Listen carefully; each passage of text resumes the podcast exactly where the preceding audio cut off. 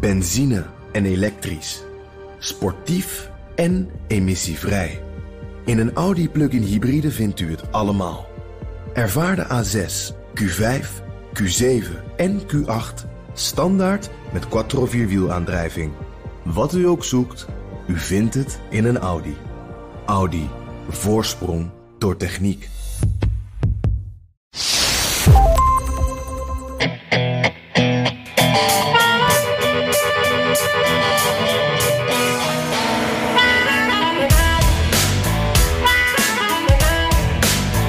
De somberste dagen van de lockdown was hij zo uitzinnig populair dat heel veel democraten presidentskandidaat Joe Biden wilden dumpen om Andrew Cuomo, de gouverneur van New York, op het schild te hijsen. Nu is hij het politieke ravijn ingestort dat billen en borstenknijpers wacht als de vrouwen die het betrof de moed hebben om hun stem te laten horen. Cuomo ontkent, maar hij treedt af. The best way I can help now is if I step aside and let government get back to governing. And therefore, that's what I'll do. Because I work for you. And doing the right thing is doing the right thing for you. Natuurlijk gaan we het hebben over Cuomo-gate. En we gluren, om in stijl te blijven, even over een paar hekken van presidentiële vakantieverblijven. Dit is aflevering 89 van de Amerika-podcast. Mijn naam is Bernard Hammelburg. Met voor me een karaf doodgewoon Amsterdams leidingwater. Hm. En ik uh, ben Jan Posma, uh, als altijd uh, aan mijn eettafel in Washington met een bekertje heerlijke verse koffie. En uh, Bernard, ik uh, kan bijna niet over de uh, bergpost heen kijken. figuurlijk dan, want het is allemaal virtuele post natuurlijk. Want vorige week lukt ons niet om echt de bodem van die enorme postzak te bereiken. Dus dat gaan we deze week alsnog proberen. We gaan het proberen, maar er komt steeds meer bij. Dus het is een soort van. Uh, Waar we blij mee ja, zijn overigens. Ja, maar. Jan, eerst even over Cuomo natuurlijk. Hoe kon die man zo tuimelen? Vorig jaar waren ze dagelijkse persconferenties op tv over de strijd tegen corona zo populair dat hij een, er een Tony Award voor kreeg. Joe Biden zat nog in zijn kelder. En half Amerika zei: kunnen we die grijze muis nog vervangen door Andrew? Weet je nog, Jan, hoe we het daarover hadden? Ja, ja, ja, ja. Was het trouwens, ik zit even te denken, was het niet een Emmy Award die die kreeg? Dat, uh, voor voor tv-optredens? Je, je, je hebt helemaal gelijk, het was een Emmy. Ja, ja het gaat om, het gaat om de, de, beste televisieprogramma's. En het, het, was geen, het was geen theatervoorstelling. Hoewel Bernard erin zien eigenlijk wel misschien. ja, ja, ja, ja. Dit, dit was het uh, televisiedrama wat we nu hebben gezien. Daar kan hij ook weer een prijs. Uh. Maar goed, ja, dat zegt wel iets. Hè, dat dan een, een gouverneur die, die eigenlijk normaal gesproken hele saaie persconferenties geeft. Uh, dan ineens zo'n zo'n Emmy in de wacht sleept. Dat, dat gaf wel aan wat, ja, hoe zijn status op, op dat moment was. En... Ehm, ja, dat is wel bijzonder, vond ik ook. Want uh, hij begon natuurlijk niet echt als een hele populaire gouverneur. Uh, zijn medewerkers uh, sidderden echt voor hem. Die vonden het een bullebak. En ik moet ook wel zeggen, als je hem ziet praten, hij is heel no-nonsense. Hij is een beetje bot. ook wel mooi, met een beetje die, die Italiaanse schwung die hij dan een beetje zo heeft. Hij is echt een beetje zo'n gouverneur uit een film. Wat je voorstelt bij een New Yorkse gouverneur, zeg maar. Ja. ja. Maar, maar het was ook het was niet. Ik, New Yorkers zijn volgens mij nooit uh, blij met de gouverneurs bijna. Maar, maar, deze, dit was niet een populaire, toch voor corona? Nee, nee helemaal niet. Die man was, uh, was, was buiten. Het, het, het, het, was bijna haat tegen hem. En ook in de staat hoor. Ook in, in, dus gewoon onder de mensen. Het was een, een hele impopulaire man. Maar wat je zegt is waar. Hij had een beetje iets van. Uh, Don Corleone, zal ik maar zeggen. Met, met, ja. met datzelfde typische platte New Yorkse accent. Dat komt, dat, dit is typisch Queens, denk ik, wat hij had, heeft. En um, dat spreekt wel heel veel mensen aan, omdat het zo recht, zo, zo recht voor zijn raap is. En dat, dat heeft. Ja, precies. Ja. Dus uh, je, je, had, al, je had altijd de indruk dat als hij iets zei, dat het, het, het kon vervelend zijn, of het kon naar zijn, of het kon prettig zijn, maar het was in elk geval niet gelogen. Dat was een beetje. Ja. ja en dat, dat, dat, dat brengt eh, kiezers wel eens naar de stembus. Um, hoewel. Uh, ik denk dat ze macht nou, niet alleen daar op rusten, maar natuurlijk ook over ja, op de, die oude democratische machine, vooral in de stad New York. Hè. Daar, zijn, daar zijn dan in de jaren twintig van de vorige eeuw prachtige boeken over geschreven. Hoe die, die machtsstructuur van die democratische partij, die tot in de haarvaten komt, niet alleen in, in uh, New York City, maar ook in Albany, waar dit zich natuurlijk allemaal afspeelt. Hmm. Ja, want hij is ook de zoon van een gouverneur natuurlijk. Dit is echt een, uh, een, politiek geslacht op dat punt. Ja, er zei, er zei iemand, uh, ik geloof op CNN, vlak na zijn aftreden, dat het, het, het, is echt een dynastie. En ik geloof dat de, de Cuomo's samen iets van 26 jaar lang alle mogelijke politieke functies hebben vervuld. Waarbij vader en zoon dus allebei ook heel lang gouverneur want hij is ook al elf jaar, hè? Dus, uh, ja, ja. ja. Ik, ik, schiet me ineens wat te binnen, Bernard. Iemand op Twitter vroeg mij: uh, heeft Bernard uh, Mario Cuomo, de vader van Andrew, dus wel eens geïnterviewd? Ik heb hem één keer geïnterviewd en ik weet nog precies waar. Hij hield, dan moet ik even teruggaan, ik weet niet helemaal zeker, maar ik denk op de Democratische Conventie in New York. Dus dat zou misschien hmm. geweest kunnen zijn in 84. Um, daar hield hij een toespraak. Hij was een van, die van de kandidaten en verloor, maar hij hield een toespraak. En die was zo grandioos goed. Dat heel Amerika, vriend en vijand, had, hem, had het daarover. En je weet, zo'n conventie duurt een week. Dus ik dacht, weet je wat, ik neem de gok. Ik stap naar zijn woordvoerder met de vraag of ik even een paar minuten met hem kan praten. En dat heb ik toen gedaan. Uh, te midden van een heel kringetje, weet ik nog, leden van de Nederlandse club die daar ook allemaal waren. En die vonden het natuurlijk prachtig. Dus die hadden het, het was hun feestje en ik was alleen maar. Ja, ik hield, had toevallig een, een, een uh, microfoon in de hand, zou ik maar zeggen. Maar ik heb hem dus, ja, ik heb hem dus inderdaad ontmoet. En uh, ik vond het een hele indrukwekkende persoonlijkheid. Maar dat is Andrew ook. Wat je ook van hem vindt, dat is hij echt. Ja, want, want wat, hoe zou je ze omschrijven? Het, op televisie komen ze allebei behoorlijk dominant over. Het, het zijn ook wel macho's. Wat, wat uh, Mario en Andrew, wat, wat, is hun overeenkomst? Um, de hardheid, de, de duidelijkheid. Um, uh, ze zijn het tegendeel van politici die um, in woorden dingen gebruiken als in principe. Of uh, Hmm. Of uh, leidende zinnen als er moet nog over worden gepraat. Deze mannen zijn en waren het absolute tegendeel, recht voor zijn raap. Het is nooit enerzijds, anderzijds. Het is alleen maar zoals, zoals ik u nu zeg. Ja. En dat is ook de manier waarop zij formuleren. Hè? Je, ik begrijp best dat die vrouwen het anders hebben gevoeld, hè? zo spreekt hij dan. Maar ik zeg je dat dat niet terecht is. Ik begrijp wel dat ik af moet treden. Maar dat is om politieke redenen. Dat is niet om wat er hier is. Dat is zijn manier van spreken. Heel direct. En ja, eh, een, een schot hagel tussen de ogen hè, als ze je aankijkt. Ja, ja, ja. Ja, misschien dit is wel weer mooi, want we hebben even een zijpaadje gemaakt om even terug te komen op, op wat Andrew Cuomo nou zo populair maakte. Want dat komt juist door dat taalgebruik. Uh, om, en uh, ook door dat taalgebruik op het juiste moment in te zetten, denk ik. Want dat was natuurlijk het uh, tijdens de, echt donkere dagen in New York ook van de, de, het corona-drama eigenlijk. Want daar was dat echt wel een drama. Toen, was hij de man die dagelijks op televisie kwam, die de updates gaf, die je eigenlijk uit het Witte Huis had willen horen. En precies wat jij noemt, dat taalgebruik, dat gewone mensentaal. Uh, hij haalde tot, uh, soms tot vervelend toe, maar hij haalde zijn moeder erbij. Hij had het over zijn familie. Ja, en zijn broer, weet je nog, die, die uh, presentator is bij CNN. En die op een bepaald, ja. bepaald moment corona kreeg. En die, die, ja, die, belde, precies, die belde die dan live. ja. Ja, ja. tijdens een show, want je kan het niet anders noemen. Hè? Ja, precies. En dan zat hij daar met die PowerPoints. En ik moet zeggen, die Chris Cuomo, dat, nou ja, daar, daar heb ik nu wat. Dat vond ik toen wel echt leuk en, en grappig hoe uh, Andrew dat deed. Uh, nu we inmiddels weten, dan komen we ook op de kant uh, de neergang van Andrew.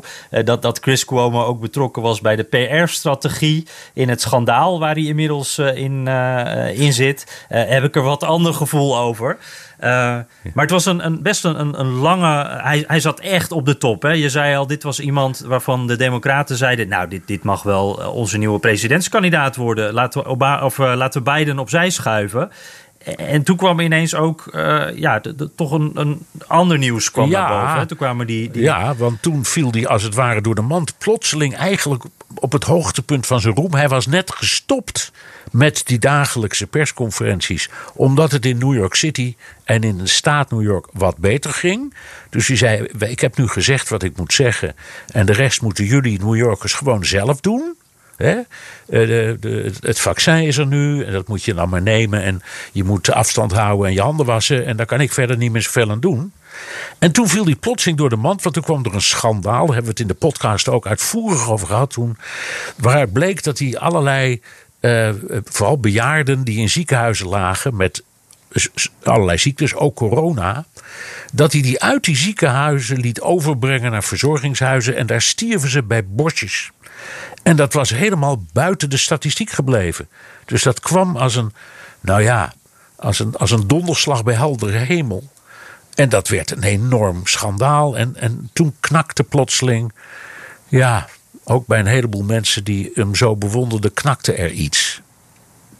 Mhm. Ja, want, want toen bleek ook dat ze eigenlijk bewust ze hebben gewoon bewust met die cijfers gesjoemeld. Omdat ze ook bang waren van wacht eventjes. Als, uh, als dit naar buiten komt, dan, uh, dan krijgen wij Trump op ons dak. Die was toen nog president.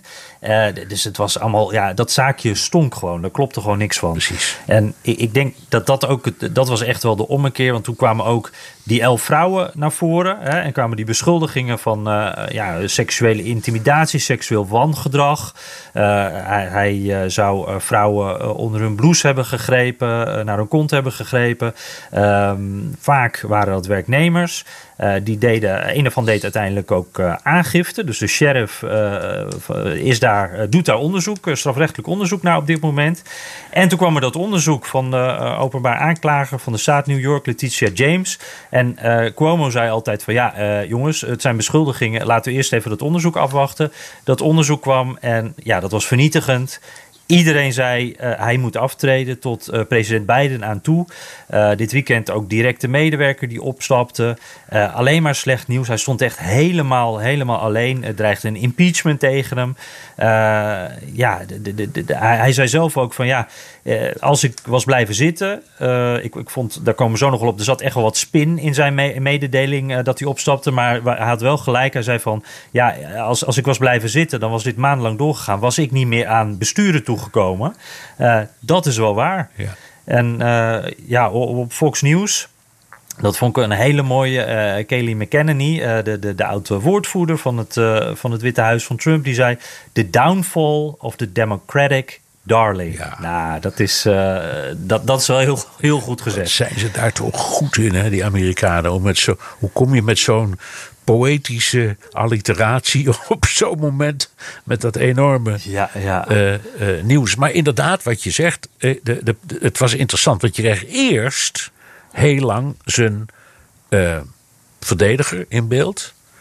Die als het ware die zaak ja, uit elkaar plukte. Ja, en, en, die zei dus: dat klopt, dit klopt niet. En ik kan ook, dat kunnen we heel makkelijk aantonen. En die had een heel verhaal. Wat bij MeToo-situaties bijna standaard is. Hè? Want die vrouw die zegt dat hij vreselijke dingen heeft gedaan, maar mijn cliënt heeft helemaal niks vreselijks gedaan. En daarna kwam hij zelf eh, met een opmerkelijke opbouw van een eh, ook weer meesterlijk geformuleerd verhaal. Maar de opbouw was: het spijt me vreselijk wat er met die vrouwen is gebeurd. Ik bied daar mijn excuses voor aan. Ik heb het nooit zo bedoeld. Ik ben misschien een oud ouderwets mannetje. Ik knuffel graag mannen en vrouwen. Um, en wat, en dus, dus, dus hij ontdeed, hij probeerde de lont eruit te halen. En vervolgens zei hij. Uh, en ja, nu, nu kan ik wel doorvechten en ik ben een vechter. Maar dat wordt voor de staat en de stad New York rampzalig. Want dan volgt er een enorme rechtszaal, of weet ik wat dan. Hè, zou een impeachment komen, laten ze het over. Dat wordt allemaal mhm. voorbereid, gaat maanden duren. Kost klauwen met geld. Die tijd hebben we niet, dat geld hebben we niet. Dat moeten we allemaal besteden aan het bestrijden van de pandemie en aan de toekomst van de staat New York. Dus daarom treed ik af. Ja, precies. Dat was zijn ja, redenering. Dat, dat was wel. Ja. dat, dan zie je die, die, dat hij een waanzinnige communicator ook is, inderdaad. Want dat, dat, die overtuigingskracht die jij al noemde, dat zat er echt in. Hij, hij vertelde het vol overtuiging. Uh, en hij uh, degradeert eigenlijk wat in het rapport wordt gezegd tot onhandigheidjes. Uh, wat wel heel. Uh, de, nou ja, als je dat rapport leest, dan kan je dat niet onhandigheidjes noemen. Dat ging echt veel verder. Maar hij zegt eigenlijk die ernstige zaken die in het rapport voorbij kwamen, die zijn gewoon niet gebeurd. Ik heb het tegenonderzoek hier om het te bewijzen. Hij heeft dus zijn eigen tegenonderzoek met zijn eigen conclusies.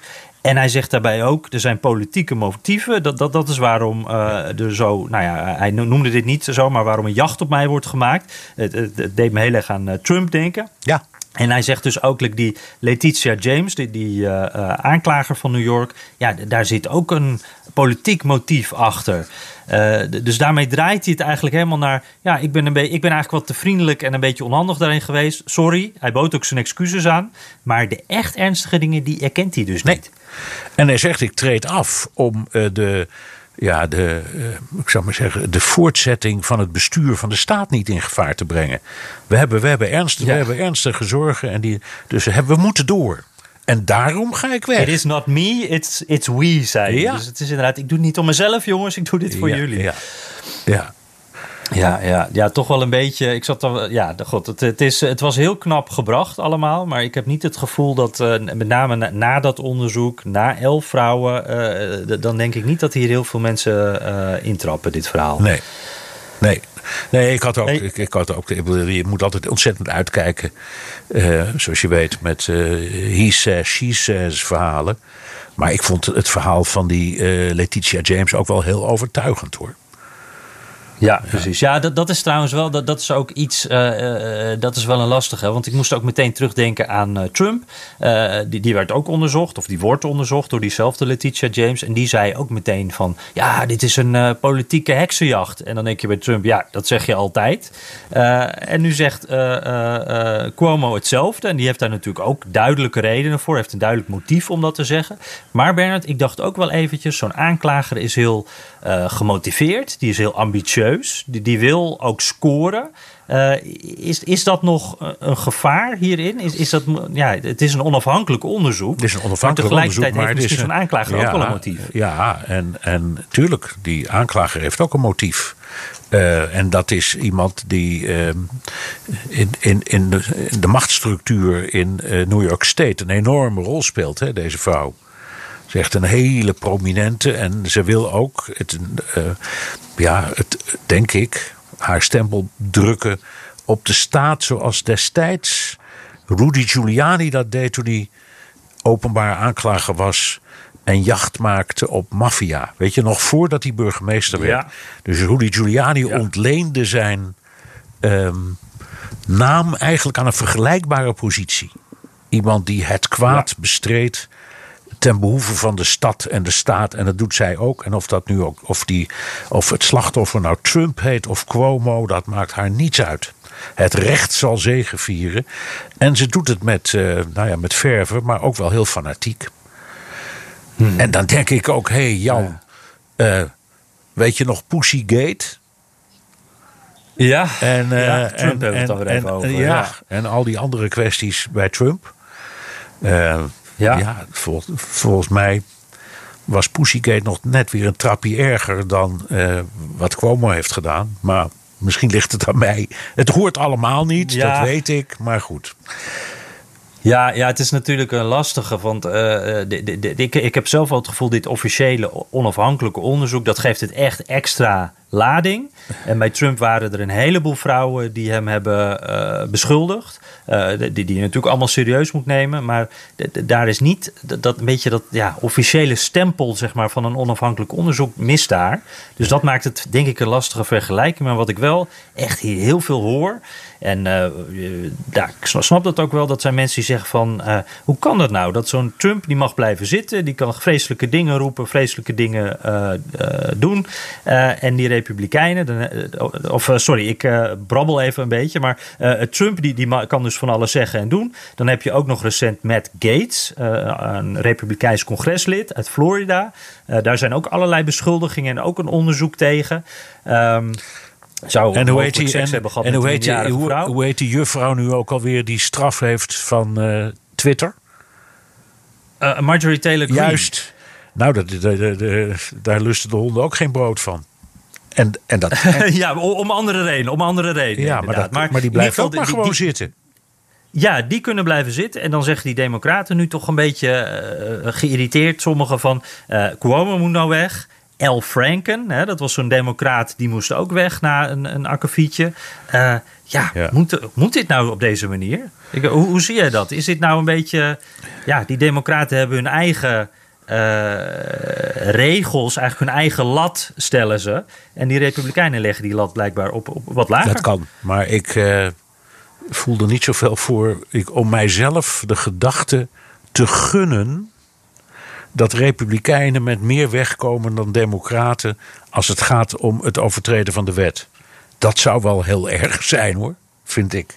D- dat is waar. Ja. Ik denk dat het meer gaat eh, dit, eh, in mijn eh, optiek over wat, wat republikeinen zichzelf, eh, zeg maar, Jawel. zichzelf beoordelen. En het gaat ook, kijk, waar we het daarover hebben, zoals Matt Gates en, en ook wel Trump, dat gaat vooral over hoe de politiek ermee omgaat.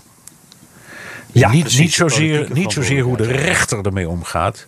En in de kwestie van Cuomo dreigde een rechtszaak en dat dreigde een impeachment in de staat New York, hè, van het staatsparlement, wat overweldigend democratisch is in allebei de huizen. En allebei die huizen hadden al laten weten dat ze, gingen in, dat ze aan die impeachment overgingen als hij niet aftrad.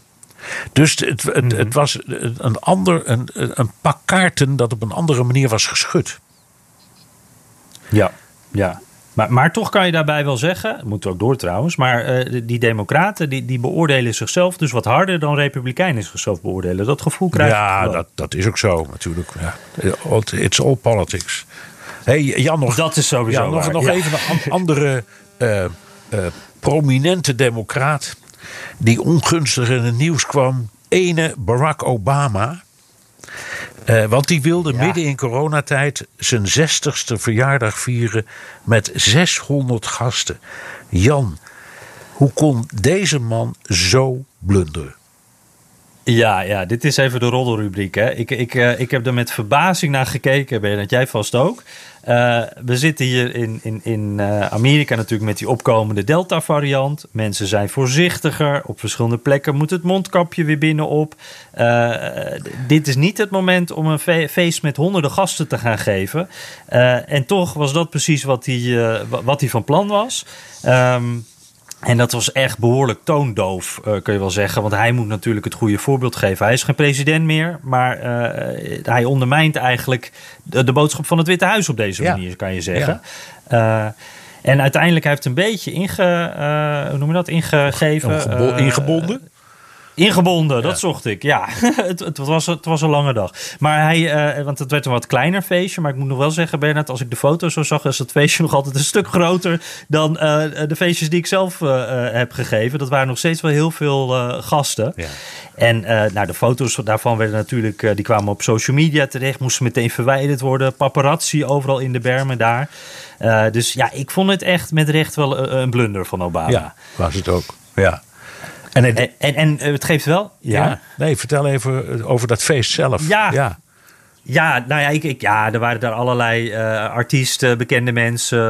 Eh, dat was ook wel wat ik eigenlijk ook wel grappig vond. Het is natuurlijk een hele vervelende situatie, want je nodigt honderden mensen uit. Daarvan moet je dan een groot deel afzeggen.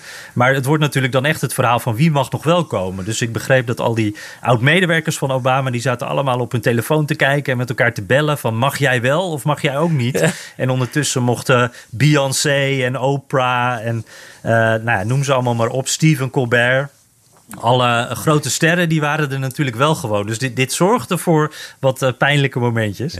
Ehm, maar wat ik eh, vooral ook, ook wel leuk vond, een, een mooie aanleiding om het even te hebben over de plek waar het werd gegeven. Want het is Martha's Vineyard. Ja. En eh, dat is een hele, ja, ik vond het een hele mooie plek. Daar ben ik een paar jaar geleden geweest. Het is een eiland voor de kust van Massachusetts. Daar he- hebben de Obama's een, een zomerhuis, een gigantisch zomerhuis.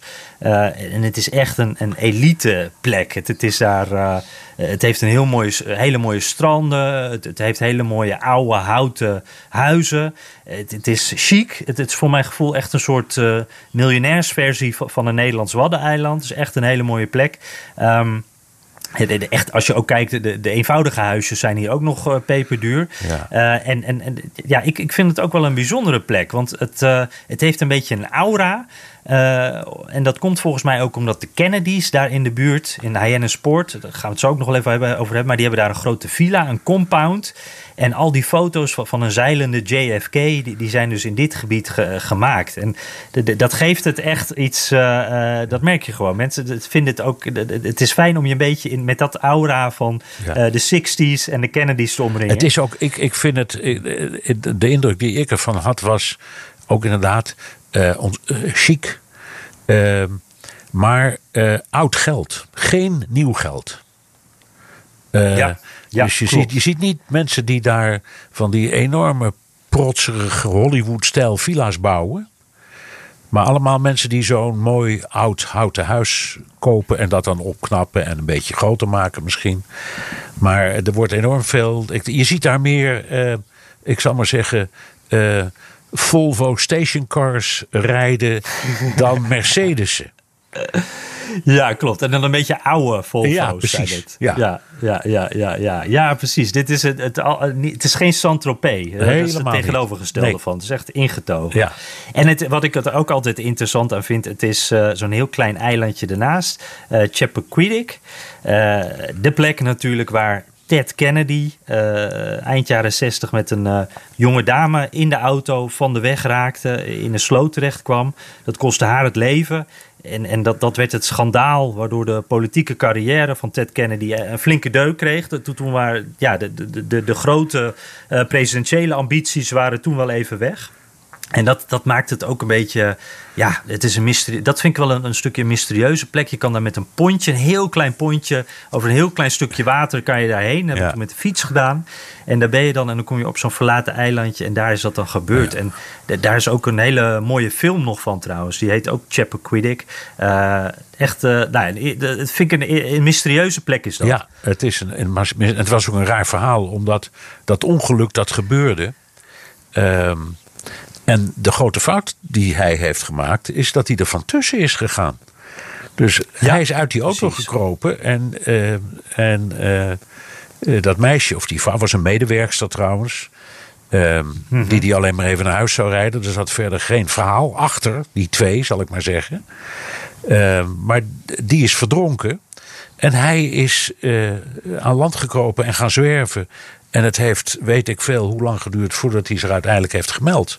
Dat was het schandaal. Ja. En niet, niet eens ja, die precies. Mary Jo Capacney, zoals ze heette. Dat was natuurlijk vreselijk. Ja, vreselijk. Zo'n jonge vrouw die. Uh, een, een campagnemedewerkster en, en een, een, geliefde collega, dat die verdrinkt. Maar dat de baas er vandoor gaat. Nou, dat was ongelooflijk, dat verhaal. Ja, ja, want die auto die lag ook in, in een ondiep stukje. En, ja, hij had misschien uh, nog wel wat kunnen doen. Hij, of hij had kan, kon gaan schreeuwen. Precies. Of hij kon van alles en nog wat. Hij kon proberen. Maar hij heeft niets gedaan. Hij is er vandoor gegaan. Gek verhaal. Ja. Ja, ja, ja, zeker. Ja, nou ja, en dan even, even heel snel. Zullen we dat doen, Jan? Want al die presidentiële zomerverblijven. Dat is ja, leuk. Hebben ze natuurlijk. Dat was altijd vanaf. Uh, ik denk vanaf uh, George Washington al. Maar er waren een, een, paar die. Laten we zeggen. Vanaf de Tweede Wereldoorlog of zo. Hè, zo daar beginnen. Dan, dan, had je, hmm. dan had je eerst iets dat heette Shangri-La in Maryland. Uh, waar in de oorlog uh, vluchtelingen werden uh, verhoord. Waarvan de OAS, later de CIA werd. Uh, het vermoeden had dat het misschien infiltranten of spionnen of zo waren. En hoe weet ik dat? Omdat ik iemand weet die daar uh, was een, een oud Nederlander die daar die verhoren heeft afgenomen. En die was, gestatione oh, wow. die was gestationeerd in Shangri-La.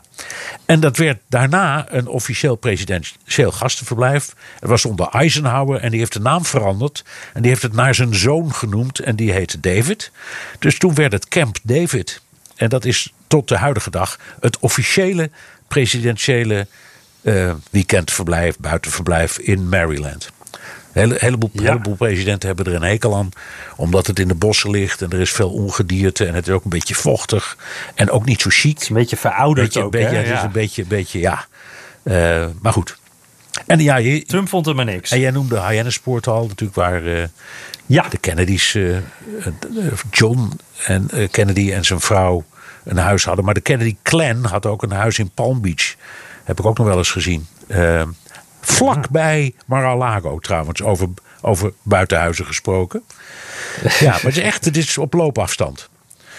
Uh, en dan had je Nixon, die had, die had, die had in St. Clemente, waar die ook is begraven, uh, een, een prachtig huis in Californië. En dat werd de, werd de Western White House genoemd, want daar zat hij als hij maar even de gelegenheid had. En uh, Reagan had ook daar in de buurt, Santa Barbara, had hij een prachtige boerderij. Um, en dan had je natuurlijk Bush 1.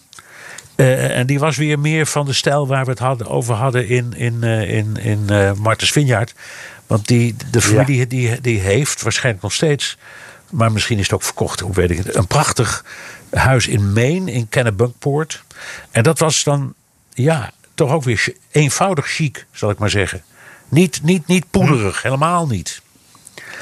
Uh, nou, Clinton is ook altijd een verhaal, want totdat hij uh, aftrad en boeken ging schrijven en lezingen ging geven, was die straatstervensarm. Hè? Die had geen cent. Dus die, als die vrij had, dan ging hij maar gewoon braaf naar Camp David. Want die had, die had geen buitenhuis. Die had niet eens een eigen huis. Die, die, die, die, ja, ja, bezat ja. geen eigen huis, ook niet in Arkansas. Die, had in, in ambtswoningen uh, Alleen maar in ambtswoningen, precies. Natuurlijk. Die zei ook altijd, ik heb geen huis nodig. Want uh, er wordt eerst als gouverneur en toen als president prima voor me gezorgd. Nou, dan heb je natuurlijk Trump. Mar-a-Lago. En, en die heeft ook nog zo'n prachtig golfterrein in New Jersey. Daar zit hij geloof ik in de, in de zomer, nu bijvoorbeeld. Bedford. Ja. Bedford, ja. En dan heb je Biden in uh, Rehoboth Beach. Uh, dat is ook een prachtig huis trouwens. Dat staat aan het strand van zijn eigen staat.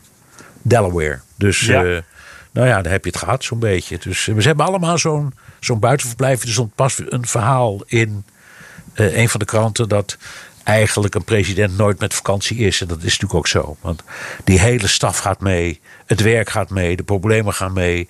De pers gaat mee. Die, die, die, die bivakkeert dan voor de, deur, voor de deur van zo'n buitenhuis. Dus echt uh, veel nou ja, vakantie. Dat zit er niet echt in. Nee, het is wel grappig dat dat valt dan weer op met de nieuwe president. Uh, die gaat naar een nieuwe plek. Dus Biden inderdaad naar zijn eigen huis uh, aan het strand. En, en uh, dan zie je ook inderdaad dat alle foto's en berichtjes van de presspool die hem volgt veranderen dan. Die zitten dan ineens op andere plekken dat ze in hun stake-out zitten te wachten tot de president naar buiten komt. Het is niet meer Mar-a-Lago, maar het is nu dus inderdaad bij, bij Rehoboth Beach. Ja. En ik moet er altijd wel om lachen. Je, je, ziet ook meteen de reacties van mensen. Oh, hij gaat er wel heel vaak heen. Hè?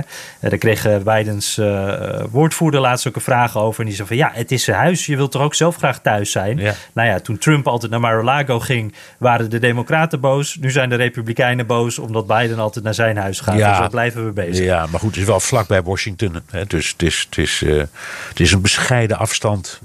Door, net iets anders. Nou ja. Ja, precies. Nou ja. hey, ja, Bernard, we, we zijn wel heel lekker uh, aan het uh, wegkeuvelen zo. Uh, veel te leuk. Maar we hadden natuurlijk nog die enorme postzak. daar moeten we aan ja, gaan beginnen. Aan de gang. Sla toe, Jan. Ja, precies. Ja, Jeroen Kracht. fijn, die wekelijkse podcast. heerlijk om te luisteren. Een vraag. Hebben jullie nog boekentips voor de Amerikaanse geschiedenis? Specifiek over de 20ste eeuw. En jij had er een. Ik had er een, ja. A People's History of the United States van Howard Zinn. Z-I-N-N.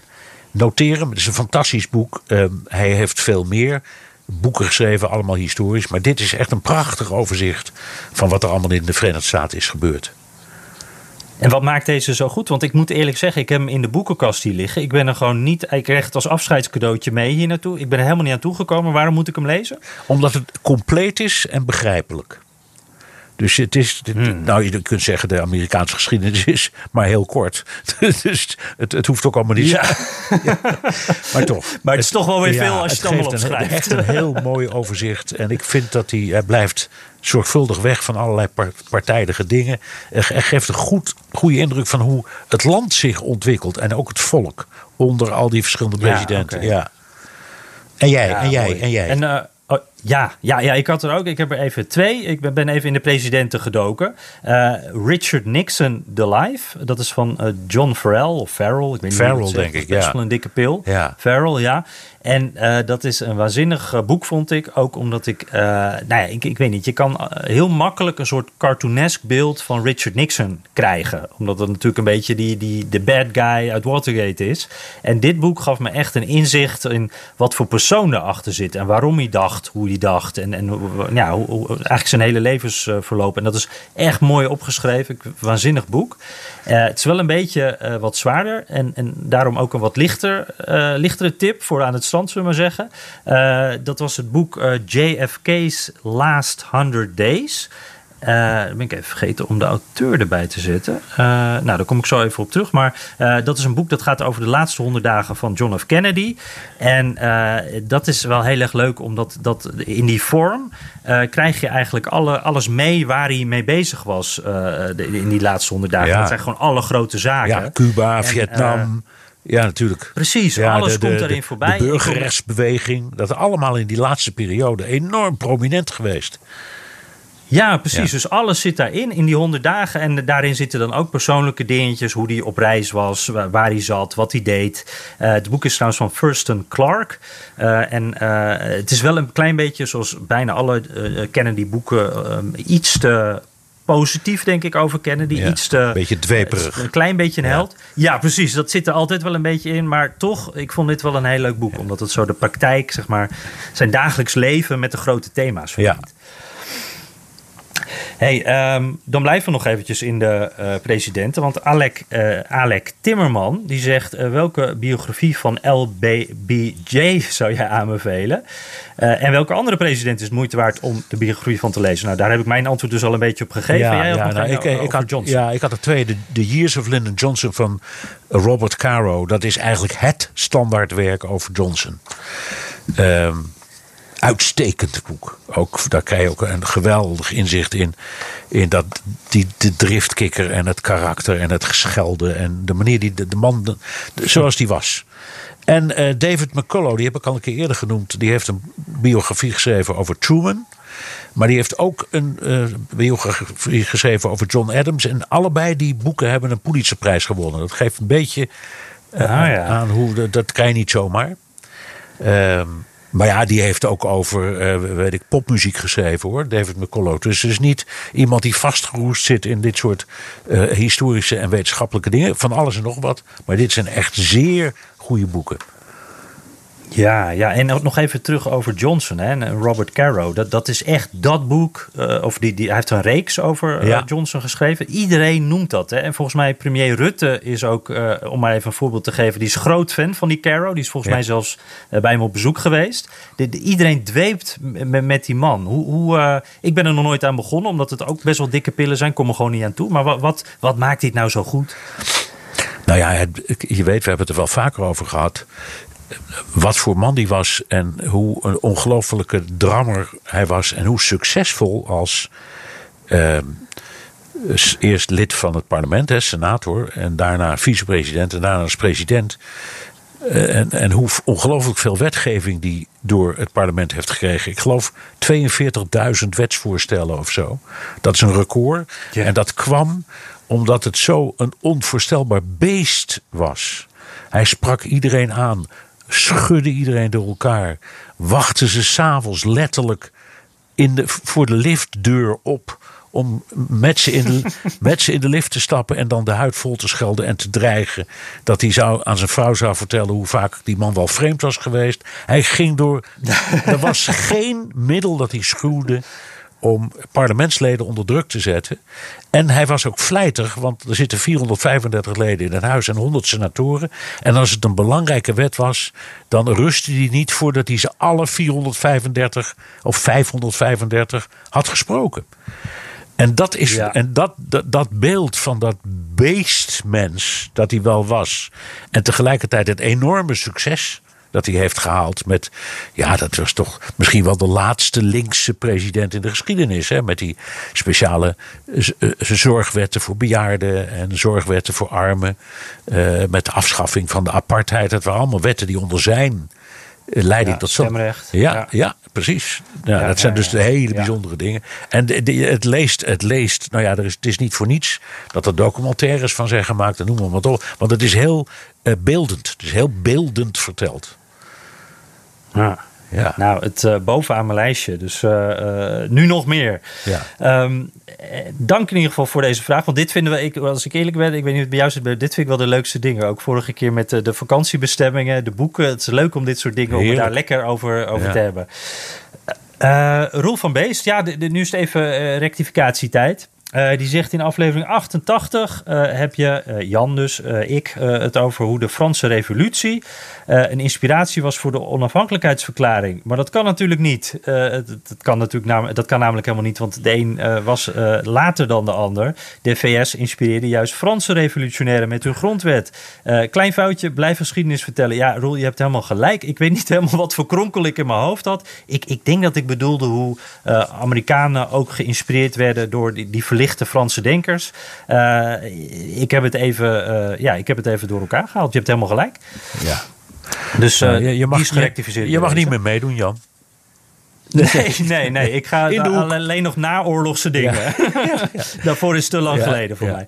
Eh, Ineke Koot, ja, die had gewoon nog even een berichtje. Eh, die, die zijn, eh, wij zijn, zij, eh, zij zei, wij zijn helaas weer terug uit de USA en zitten in Nederland weer in onze recliners, van die mooie stoelen die zo lekker achterover leunen, naar jullie te luisteren. In Florida worden in onze community de ongevaccineerde Trumpers sociaal uitgesloten. In het zwembad en clubhuis worden ze genegeerd. Eh groetjes van Ineke. Ja, ja. Die hadden, al, die hadden al eens eerder geschreven dat ze zo'n moeite moesten doen om naar Amerika te komen in coronatijd. En dat ze dat dan via een, Ja. een geheimzinnige omweg toch is gelukt. Dat is dus klaarblijkelijk ook gelukt.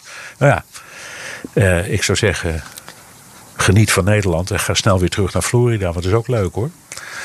Ja, ja, precies. En, en je, wat ze zeggen, ja, dat, dat hoor je wel meer. Hè? Die, die, die, dat eh, vaccin eigenlijk, dat dat, eh dat dat- doorklieft families. Ja, eh, ja. Dat, ja. Ja, Zoals, eh, dat is natuurlijk zo politiek. Zoals die verkiezingen dat deden, dat, zo doet dat vaccin dat nu nog meer volgens mij. Dat zijn echt, eh, mensen praten niet meer met elkaar eh, door, door dit soort dingen. Vreselijk. Dus, eh, ja, Vreselijk. Heftig. Vreselijk. Ja, Juri Nijs, ja, die zag, zegt, jullie hadden het laatst over hoe Amerikanen naar buitenlands nieuws kijken. Ja, dat, dat, dat klopt. Hierop vroeg ik me af of normale Amerikanen Europa als een entiteit zien en dus als wereldmacht. Of dat zij Europa meer zien als een onsamenhangend geheel waar, eh, waarin alleen landen als Frankrijk en Duitsland in in de melk te brokkelen hebben.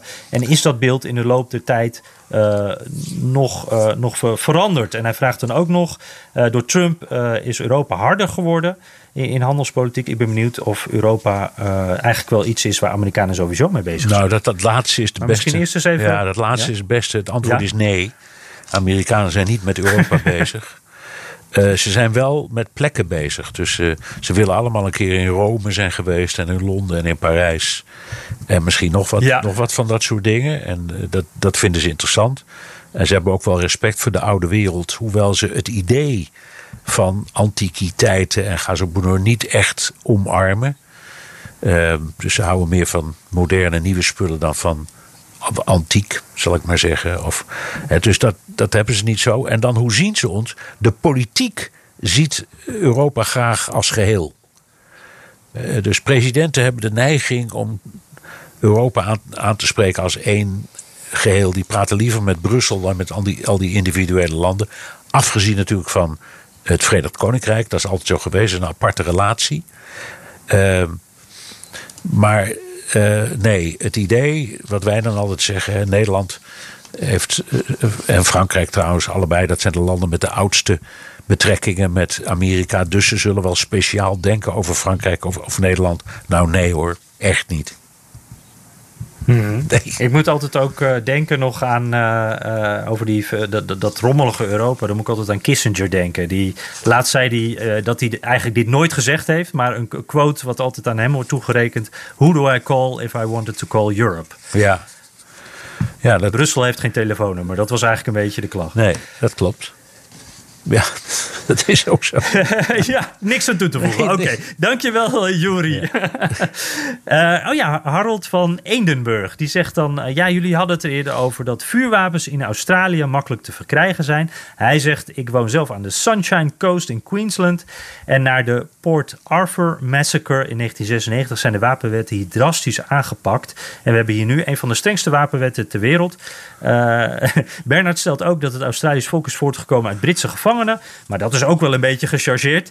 Uh, ja, daar zal Harold zelf een voorbeeld van zijn dat het niet alleen maar nee, natuurlijk, zijn. Nee, dat uh, hij, zegt, maar dit, hij, hij, ja. hij, luistert met veel plezier. Zegt ja, nou fijn. Goed, nee, ja. nou, natuurlijk is dat gechargeerd. Maar het is wel zo dat um, gevangenen in, uh, in, in Engeland destijds toen vaak zwaar gestraften de keuze konden krijgen over, om hun straf uit te zitten.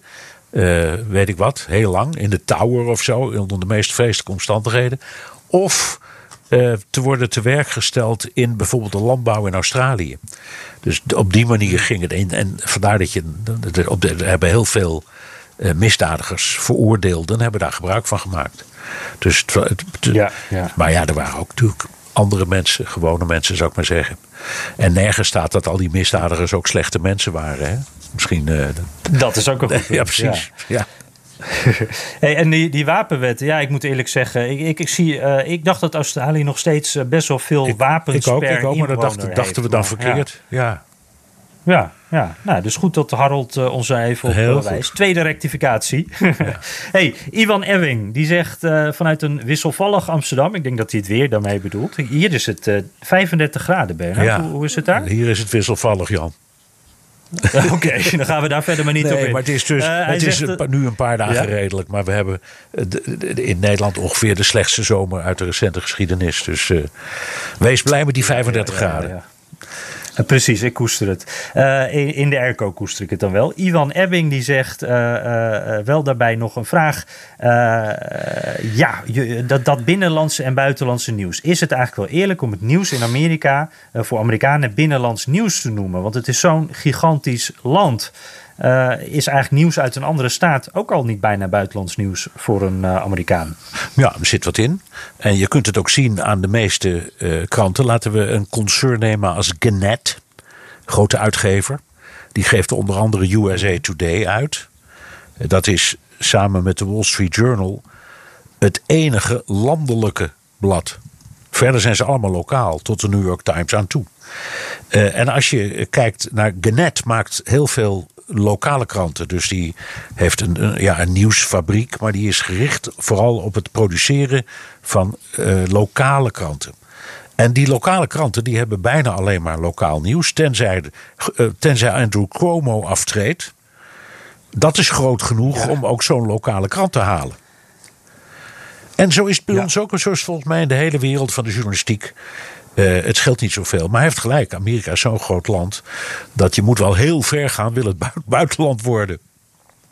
Ja, ja, precies. Ik, ik merk dat ook wel als er bijvoorbeeld uh, bosbranden of zo zijn. Dat, is dan, uh, dat zijn hele grote dingen. Ja. Uh, grote rampen, waanzinnige beelden, angstaanjagend. Maar het is dan ook aan de andere kant ver weg. En dan merk je dat bijvoorbeeld aan de oostkust uh, er toch, er is wel aandacht voor, maar, maar, het is toch heel ver weg dat het daar aan de westkust dan allemaal gebeurt. Ja. En dan heb ik ook wel eens het gevoel van ja, het is een beetje alsof er bosbranden in Griekenland zijn en je zit zelf in Amsterdam of in Nederland. Uh, het voelt ver weg. Ja. Dat is hier eigenlijk. Nou ja, zo, het, dat voelt zelfs wat dichterbij, omdat op dit moment ken ik zo al twee of drie vrienden en collega's die met vakantie zijn in Griekenland of Turkije. En daar maak je je dan toch een ja. beetje zorgen. Het zit, is net iets dichterbij. Dat is dan ja. ook weer een punt. Ja, ja, ja, ja zeker. Ja, ja. Maar goed, uh, goed punt dus in ieder geval. Uh, laten we doorgaan naar Timo. Timo Zinnige. Ja, uh, die zat te luisteren met veel plezier gelukkig. Maar toen, Bernard, toen gebeurde er wat waarvan hij schrok. En hij moest er zelfs even de auto voor aan de kant zetten. Om deze mail meteen te, te schrijven. Hij zegt, je, Bernard, je maakt een grapje over het wateroverschot in de Ardennen. Waarom jij maar, en dat gaf je als reden waarom je maar water uit die streek drinkt. Ik snap dat het als grap bedoeld was. En ik kan normaal die vleugjes humor in de podcast zeker waarderen. Maar ik vind dit wel veel te vroeg. Ja. Grap is niet slecht, maar het was iets te ja, snel. Ja, heeft hij gelijk. Het, was, uh, het is niet netjes als mensen aan het verdrinken zijn. om dan een grapje te maken over over flessen water uit de Ardennen. Dat is inderdaad smakeloos, heeft hij wel gelijk in. Het is je misschien opgevallen, Jan, dat ik aan het begin van de podcast zei dat ik voor me zat met een karaf doodgewoon Amsterdams leidingwater. Ja, het viel me op, ja. Ja, ja, ja. En ik dacht, ik krijg nu zo vaak op mijn kop dat ik of de verkeerde limonade drink of nu ook weer het verkeerde water. dat, ik neem geen enkel risico meer. Nee, heel goed. Dus, dus dit is ook niet een statement over het slechte weer in Amsterdam. Dus nee. dit, dit is gewoon water om het water. Gewoon, toch? Nee, ja, Amsterdam heeft heel lekker water, zoals je weet. Ja, precies. Dat uh, missen we hier met het chloorwater ja. in Washington. Uh, nou, we gaan erop letten. Jelmer Guoks. Guo. Ik hoop dat ik het goed ja, zeg. Misschien, misschien is het Gio, maar dat weet ik ook niet. Ja. Gio, ja, dat klinkt ook goed. Hij heeft in ieder geval een vraag. Ehm, ja, dat gaat weer over het buitenlands uh, nieuws. Uh, en uh, dat, ze ook zeggen, dat hij ook zegt van, nou ja, we weten niet altijd waar alles ligt. Hè? Is Amsterdam de hoofdstad van Denemarken, dat soort dingen. Um, Uh, daarin zie ik een tegenstrijdigheid, omdat het land, Amerika, wel veel aanwezig is of was op het wereldtoneel. Oorlogen zoals de Tweede Wereldoorlog, Korea, Vietnam, Irak, Afghanistan, uh, pijpleidingen waar ze zich mee bemoeien, militaire samenwerking met het buitenland. Hoe verklaren jullie dat de gemiddelde Amerikaan het buitenland niet kent, maar dat het land Amerika wel overal is? Omdat de gemiddelde Amerikaan niet de New York Times leest, of de Washington Post of de Wall Street Journal. Uh, maar die lokale krant waar we het al eerder over hadden. En daar staan dit soort dingen zelden in. Ja, misschien nu de, aflo ja. de, afloop van Afghanistan, dat wordt wel gemeld hoor. Maar bijvoorbeeld die hele discussie over Nord Stream 2, die pijpleiding, ja, dat is echt iets voor uh, uh, kranten die het internationale nieuws wel doen. Uh, en die worden, zoals je weet, door heel veel mensen ook gezien als elitair. Dat zijn ze ook wel een beetje. Als je de New York ja, Times zeker, ja. en de Washington Post spelt en de, de Wall Street Journal, ja, dan krijg je echt wel een goed idee van wat er op de wereld gebeurt. Maar de meeste mensen ja. doen dat niet. Ja, precies. En de, gelijk hebben ze, want het is echt voor de fijnproever. En het is ook een hoop werk om die krant helemaal te spellen. Uh, ja, dat is ook dat is een dagtaak. Dat is een dagtaak, ja. ja. Dus, dus ik, ja. je kunt het, ja, het, het, valt me ook altijd wel op dat de New York Times heeft dan nog wel eens bijvoorbeeld bosbranden in Europa of andere dingen. Uh, de, als er in het Midden-Oosten wat gebeurt, hebben zij eerder dat op de voorpagina met een grote foto. Ja. Maar als je bijvoorbeeld CNN of, of die zenders, uh, al die nieuwszenders aanzet, ja, dan komt het niet echt voorbij. En in de praktijk heb je er dus, vanwege ook wat we eerder zeiden, het is zo'n groot land, je hebt er ook niet zoveel mee te maken. Nee. Je hebt allerlei dingen die in je eigen omgeving gebeuren en waar je wel uh, wat mee te ja, maken er zijn, hebt. Ik, vind, ik, ik, bede, wat, ik bedenk ja. nu, er zijn wel voorbeelden van hele goede kranten die, die een beetje allebei. Bijvoorbeeld de, de, de Philadelphia Enquirer, een uitstekende krant is, maar toch wel heel duidelijk, uh, vooral het nieuws uh, uit Pennsylvania en de, de, de, en de staten daaromheen. Maar toch ook wel een, een blik op de wereld. En hetzelfde geldt voor de Los Angeles Times. Uh, ja, dat vind ik ook echt een goede krant. Een goede krant. Maar dat is wel duidelijk echt een Californische krant. Met heel veel nadruk ja, ja. op wat er in Santa Barbara gebeurt. En misschien in San Francisco. En ga zo maar door. En het weer. En, en uh, heel veel. En de landbouw in die staat. Maar ook wel, die besteden wel aandacht aan Irak en Afghanistan. Absoluut. Ja, ja, precies. Ja, dat is echt. En, en de LA Times die hebben ook uh, de, de, de, die lokale insteek, die, die diepen ze ook echt verder uit. En dat mis ik wel eens in andere lokale kranten. Dan merk hier dat er toch niet zoveel ruimte en geld meer voor is. Nee. Om echt wat dieper op nee, lokaal nieuws nee. in te gaan. Het gaat helaas heel slecht met de Los Angeles Times. Dus, maar duimen dat ze het redden. Ja. Precies. Ja. precies. Uh, aan de westkust heb je toch ook uh, zo'n grote krant nodig. Um, ja, Remco de Groot uh, die stuurt een berichtje vanuit een ondergelopen camping in... nou, jimmig, daar gaan we weer hoor. Frankrijk. Bragny-sur-Saône. Zou de. Ja. Zwanen. Ja. Dat klinkt bijna een beetje Fries. ja, dan, uh, uh, we leven met je mee uh, op de camping als je er nog bent. En ja, die, die, heeft een lange inleiding met een korte vraag. Dus ik, ik vat de inleiding even samen. Hij zegt van ja, in het begin was er. er is nogal een verschil geweest in hoe in Europa en in Amerika die, die vaccins, hoeveel enthousiasme daarvoor was. en hij zegt van nou, sinds een paar weken geleden is de gemiddelde vaccinatiegraad in de EU nu hoger dan de in de VS. Ja. dus het, het, is een beetje gedraaid eigenlijk. En dan zegt hij: hoe kan het toch dat een groot deel van de verslaggeving zo zich liet beïnvloeden door het trompetgeschal vanuit de VS? en ook het VK noemt hij dan nog. En hoe gevoelig is de journalistiek, naar jullie mening, voor spindoktoren? Ja, heel gevoelig. Dat is echt een instinker. Dan moet je, het zijn dingen. Het is iets. Jij zult het ook hebben, Jan. Ik heb het in afval heel sterk. Ik ben elke dag met die vraag wel bezig. Ik lees iets, ik hoor mhm. iets, iemand belt me op, iemand stuurt een mail of uh, hoe dan ook. Of een persbericht. En elke keer denk ik, ja, maar zou dat echt wel zou dat kloppen? Mhm. Is het echt waar? Ja. En eh, dat geldt ook zeker voor het apparaat eh, dat de regering in kan zetten. Als je kijkt hoe Nederland dat heeft aangepakt en nog steeds een beetje, steeds maar met die persconferenties van Rutte en de Jonge. Dat is echt spinnen. Ehm, mhm. En hetzelfde kon je zeggen van die periode waarin Donald Trump die persconferenties gaf. Of Andrew Cuomo de zijne gaf.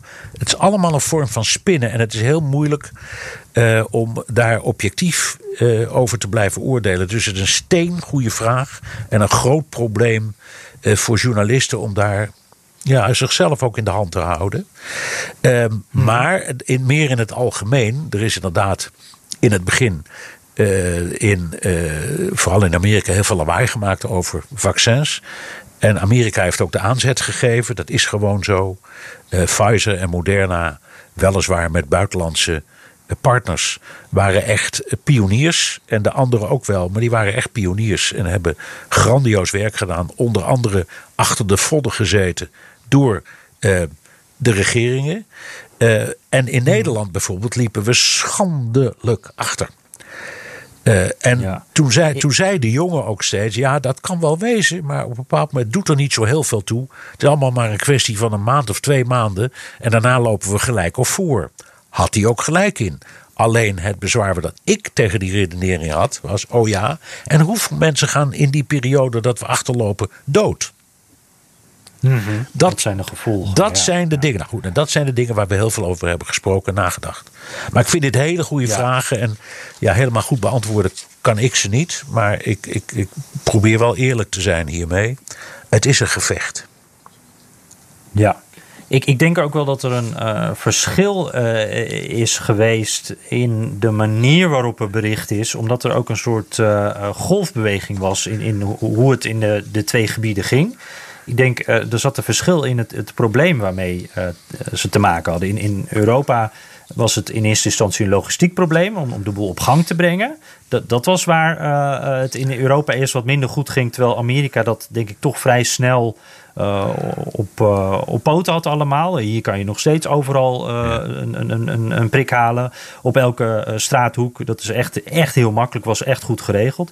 Terwijl in de VS ze daarna tegen een ander probleem opliepen. Van ja, we hebben die prikken nu wel.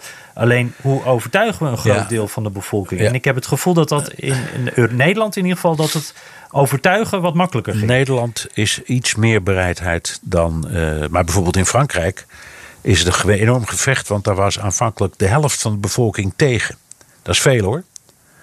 Uh, dus hmm. daar is een enorm gevecht geleverd. Dat is ook zo. Maar ik ben het niet helemaal eens met uh, dat het alleen maar een logistiek probleem was. Het was ook een financieel probleem omdat er waren landen zoals Nederland die van een meter van riepen: jongens, dit gaat de patiënten kosten, maar dat geeft niet. We moeten, we moeten een vaccin. Maar bijvoorbeeld landen als Letland en, uh, en, uh, en, en, Litouwen, dus die Baltische staten, die zeiden: we willen wel meedoen in de, in de EU, maar het mag niks kosten. Dus er is een enorm gevecht geweest binnen de EU. En het heeft een tijdje geduurd voordat ze dat uit hadden geknokt. Uh, met dat steunfonds en al die dingen. Om, om een financiële structuur. En toen zijn ze er pas hard in gegaan. Terwijl de Amerikanen zeggen, Trump zeker, uh, heeft gezegd: maakt niet uit wat het kost. En wij investeren. Ja, alle ballen op het vaccin. Alle ballen op het vaccin. We investeren gewoon mee als regering. We knallen er alles tegenaan wat we hebben. Zorg voor een vaccin. En in Europa, Europa is het zeker niet zo gegaan. Dat is echt een groot verschil. De, de, de Britten trouwens wel, hè? Die hebben het ook heel goed aangepakt. Eh, John, John, ja, John ja, dat, dat... Johnson was ook van knal er maar tegenaan wat het kost. Ik, uh, ik verdedig het wel in het lagerhuis. Maar we moeten een vaccin. Dus die heeft dat ook gedaan. Hm. Duidelijk. Uh, Maarten Jonkers dan nog. Uh, die zegt, uh, ja, die, die heeft, die, die, wacht, sorry, ik ga eventjes, ik doe even een stapje terug. Die zegt, ik luister altijd als ik fiets en hardloop. En hij stelt dan de vraag over de Republikeinse Partij. Hoe ziet de GOP de keuze om een soort Trump-cult te worden zelf aflopen? Ja, ja. ja jij weet er meer de van. invloed van Donald Trump. Jij weet alles van Donald Trump, dus... Uh, oh, jij, ja. jij, denkt, jij denkt dat doet hij wel even. Ja, nou, ik, ik, uh, ik moet wel zeggen, ik, ik denk dat uh, de Republikeinse Partij dat zelf sowieso niet zo ziet. De keuze om een soort Trump-cult te worden. En we houden de vinger aan de pols. Uh, je ziet nog steeds inderdaad grote invloed van Donald Trump. Maar het is nog steeds een lange weg naar de volgende verkiezingen. Laat staan de volgende presidentsverkiezingen. En bijvoorbeeld nu wij deze podcast opnemen, hebben toch 19 Republikeinse senatoren gestemd voor een infrastructuurplan. Um, nou, dat zijn toch 19 Republikeinen die dus tegen uh, Donald Trump in zijn gegaan. Want die heeft steeds uh, naar buiten gebracht dat hij echt mordicus tegen dat plan is. En dat ze het absoluut niet moesten doen. Dat zegt niet meteen alles over hoeveel steun Trump wel of niet heeft in, uh, in, in, die partij. Er spelen allerlei dingen mee. En er zijn natuurlijk ook allerlei redenen waarom ze nog wel naar hem luisteren. Maar het is nog een lange weg. Dus ik. ik uh, ik moet nog zien hoe het gaat aflopen. Ja, ik, ik sluit mij geheel bij de vorige spreker aan. Um, ja, ik, ik, ik, heb het idee dat de Republikeinen op een bepaald moment, als ze zover zijn, ze nog niet hun knopen gaan tellen. Van wat levert nou meer op? Um, het, het blind volgen van wat Trump allemaal wil en zegt. En ook het, uh, de ideologie die daarachter zit. Uh, of moet je pragmatischer zijn en denken aan uh, bijvoorbeeld de werkgelegenheid van je eigen kiezer? Dat heeft heel duidelijk een rol gespeeld in die stemming over infrastructuur.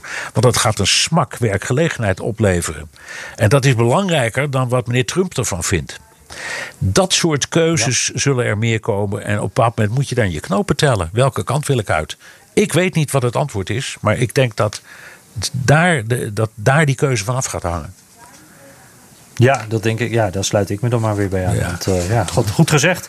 Uh, ja, Bernard, mijn uh, koffie is op. Ja. mijn watertje wat ernaast stond is op. Ik denk dat wij een beetje zo moeten afronden. Ja. Hè? Nou, heb je nog recensies? hebben we het weer? Ja, ik, die heb ik zeker. We, we hebben, hebben, net weer niet de, de bodem gehaald. Maar we schuiven er weer een paar door. Dus als je niet voorbij bent gekomen, volgende week doen we weer ons best. Recensie die via Twitter binnenkwam van Martin Stoker. Die zegt, ik geniet op de cross trainer tijdens de podcast. Uh, vooral jullie top 3 USA-bestemmingen, heel herkenbaar. Californië, zuidelijke staten, Utah, etc. Fijn om te horen van Amerika-liefhebbers. Goede podcast, weer 5 sterren. Oh, mooi om te horen. Terugluisteren kan via de BNR-site, Apple Podcast of Spotify. Heb je vragen, opmerkingen, kritiek of complimenten? Dan kan het ook met een tweet naar Jan Postma USA of BNR De Wereld of heel ouderwets met een mailtje naar dewereld.bnr.nl. Ja, en laat ons ook weer even weten waar je vandaan luistert. Dat vinden we altijd leuk. Welke exotische bestemmingen of ondergelopen campings ertussen zitten. En laat die vraag ook komen. Hè? Want volgende week doen we gewoon weer ons best om tot de bodem uh, van die postzak te komen. Uh, en uh, nou als je bijvoorbeeld nog een boekentip wil, of een filmtip, of een vakantiebestemming, of een politieke vraag, allemaal zeer welkom. Wij zijn er heel blij mee. En we wachten het in spanning af. Hè? tot volgende week, Bernard. Tot volgende week, Jan.